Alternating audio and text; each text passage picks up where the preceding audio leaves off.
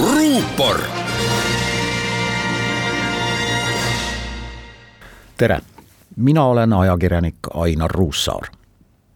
hea ja edukas poliitik peab lähtuma kolmest olulisest reeglist. esiteks peab ta osutuma valituks.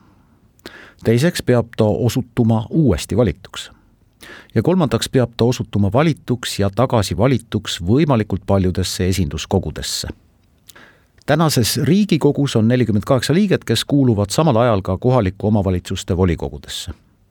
nüüd andis võimuliit Keskerakonna ettepanekul rohelise tule veel ühele eduka poliitiku reegleid kinnitavale seadusalgatusele.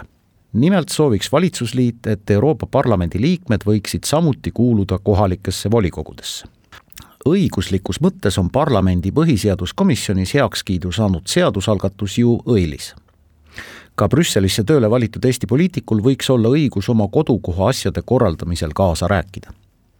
täna võib Euroopa Parlamenti valitud poliitik küll kandideerida kohalikku elu korraldama, aga volikogusse valituks osutudes peab ta ühest või teisest ametist loobuma.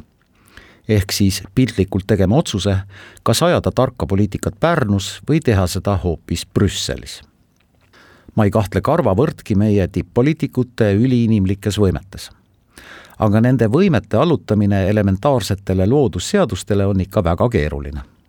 Euroopa Parlamendi liikmetel on igas kuus üks nii-öelda roheline nädal, ajaperiood, mil nad ei pea füüsiliselt või pandeemia kartuses nüüd ka elektrooniliselt aruteludel ja hääletustel osalema.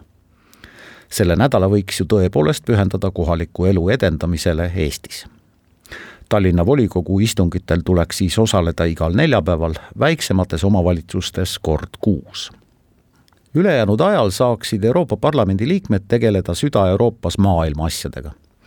arutleda rändeolukorra üle Vahemerel, tunda muret inimõiguste piiramise pärast, jagada laiali miljarditesse eurodesse ulatuvaid abipakette ja hoiatada Venemaalt lähtuvate võltsuudiste eest kuidas aga küll jõuaks tubli poliitik neljapäeval Brüsselist näiteks sama päeva pärastlõunaks Kohtla-Järve volikogu istungile, et arutada peremeheta ehitise hõlvamise korda ja juurelda kohanime määramise korra üle.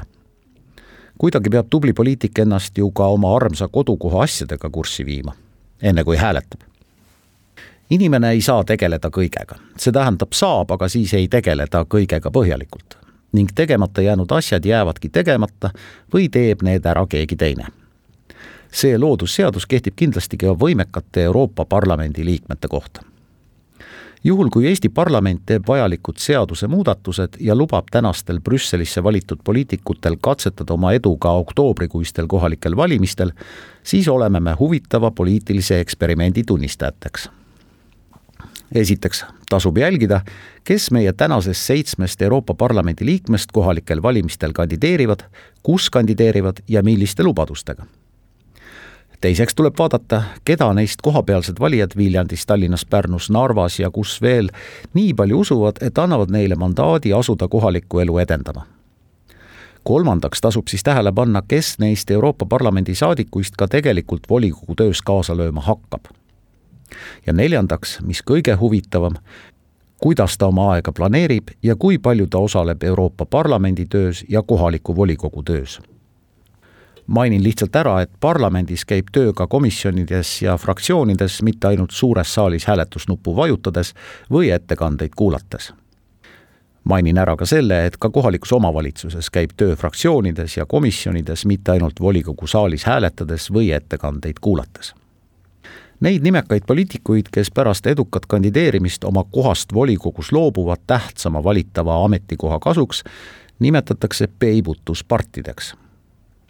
Neid poliitikuid, kes pärast edukat kandideerimist loobuvad ametist Euroopa Parlamendis ja asuvad tegutsema kas või Tallinna volikogus, võiks nimetada sinilindudeks. võib-olla näeme juba sügisel, milliseid linnuliike me kohtame, kui üldse.